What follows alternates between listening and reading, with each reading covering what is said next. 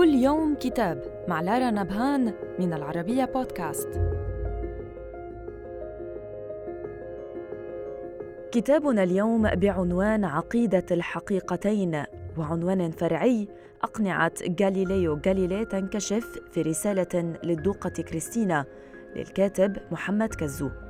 حيث وقف ليس فقط عند شخصية غاليليو العالم المعروفة للجميع بل ركز أيضا على جوانب في الغالب تغفل من إبداعات غاليليو من قبيل كونه أديبا ولاهوتيا قرأ الكاتب عمل غاليليو من خلال رسالته الشهيرة التي وجهها إلى الدوقة كريستينا محاولا كشف ما أسماه أقنعته الأخرى.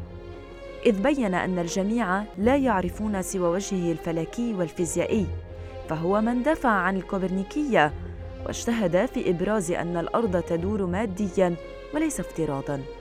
كما أنه اكتشف أقمار المشتري مبرزا أنها تدور حوله وليس حول الأرض مما يعني لا مركزية الأرض على عكس الفكرة المزعومة عن ثباتها في قلب الكون والتي تجذرت عبر تاريخ الفلك منذ تكريسها بصفتها قناعة مع أرسطو.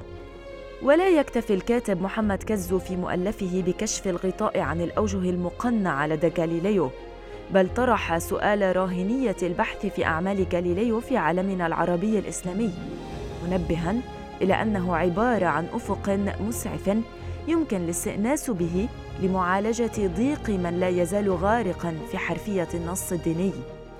تلك الحرفية على حد قوله تجفف وتفقر وتختزل المعاني الواسعة بل يضيف الكاتب فكرة أخرى استقاها من مجهودات غاليليو اللاهوتية التي مفادها أن المد العلماني اللائكي بدأ تشكله الفعلي في أوروبا الحديثة في التربة العلمية قبل أن يمس الجوانب الأخرى من القطاعات سياسة وأخلاقية وفنية.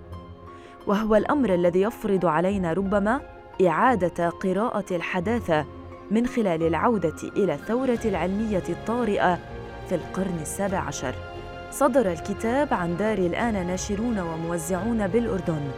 وإلى اللقاء مع كتاب جديد.